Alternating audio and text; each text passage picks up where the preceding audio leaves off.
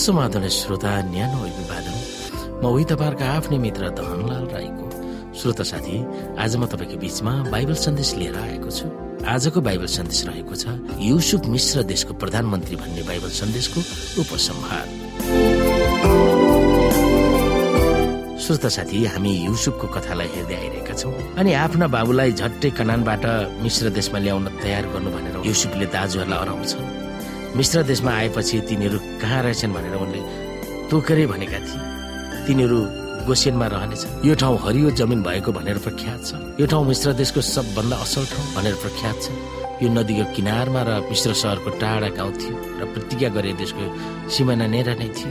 त्यति मात्र नभनेर उनले तिनीहरूको निम्ति यातायातको सुविधा पनि उपलब्ध गराउँछन्। धेरै खजनाहरूले भरिएका गाडाहरू जब छोराहरूले समाचार दिन्छन् तब तिनीहरू झुटो होइन सत्य बोलिरहेका छन् भनेर याकुबले ती गाडाहरू देखेर पत्याउने छन् भन्ने गतिले तिनीहरू उपलब्ध गराइएका थिए।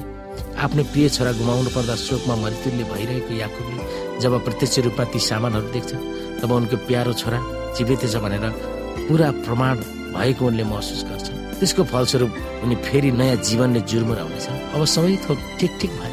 याकुबका बारे छोराहरू जीवित छन्। याकुबलाई फेरि इसरायल भनेर सम्बोधन गरिन्छ। उनको जीवनमा परमेश्वरले जे सञ्चिता गर्नुभएको थियो सो अत्यन्तै प्रभावकारी रूपमा उनलाई प्रकट गरिएको थियो।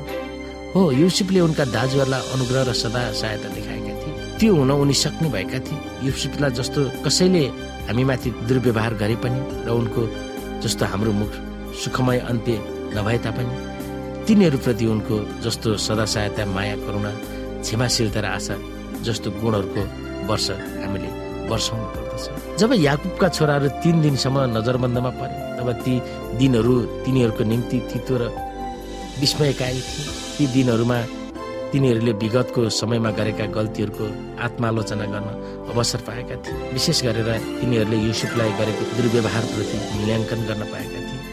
यदि तिनीहरू जासुस हो भनेर दोषी ठहराइएर जासुस होइन भनेर प्रमाणित गर्न सकेन भने तिनीहरूले कि त मृत्युदण्ड कि त दास हुनु पर्दथ्यो जुन निष्ठुर व्यवहार युसुफलाई गरियो त्यसले गर्दा तिनीहरूले आफ्नो बाबुलाई बेन्जामिन तिनीहरूसँग पठाउन कुनै रूपमा पनि मनाउन सकिँदैन भन्ने कुरामा तिनीहरू यकिन भएका थिए। तिनीहरूले युसुफलाई दास बनाउन बेचे। अब त्यसको बदला परमेश्वरले तिनीहरूलाई लिइरहनु भएको छ भन्ने कुरामा तिनीहरू तर्सिएका थिए। अब तिनीहरू पनि मिश्र देशमा दासी हुनुपर्ने भयो भनेर तिनीहरू भयभीत भएका थिए। तर पछि युसुफले आफ्ना बुबा र दाजुका परिवारहरूले दुःख पाइरहेका होलान् भनेर सोध्छन् र आफूलाई जस्तो बेन्जामिन प्रति तिनीहरू कठोर हुने छैनन् भन्ने कुरामा उनी विश्वस्त भएका थिए। युसुफ सन्तुष्ट भए उनका दाजुहरू परीक्षामा सफल भए।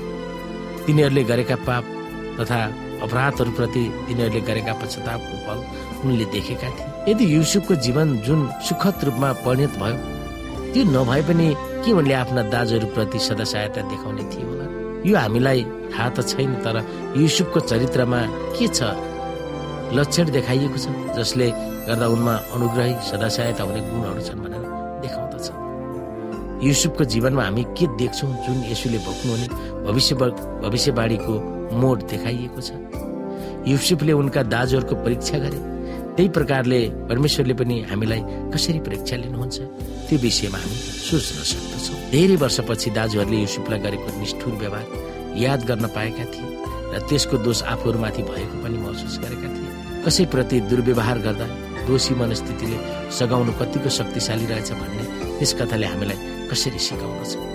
परमेश्वरले हामीलाई क्षमा दिनुहुन्छ र ग्रहण गर्नुहुन्छ भनेर स्वीकारे तापनि हामी अयोग्य नै भए तापनि आफैले आफूलाई क्षमा दिन कसरी सक्नु पर्दछ त्यो प्रश्न म तपाईँको बिचमा छोड्दै आजको बाइबल सन्देशबाट बिताउँछु हस्त नमस्ते जय मसिंह।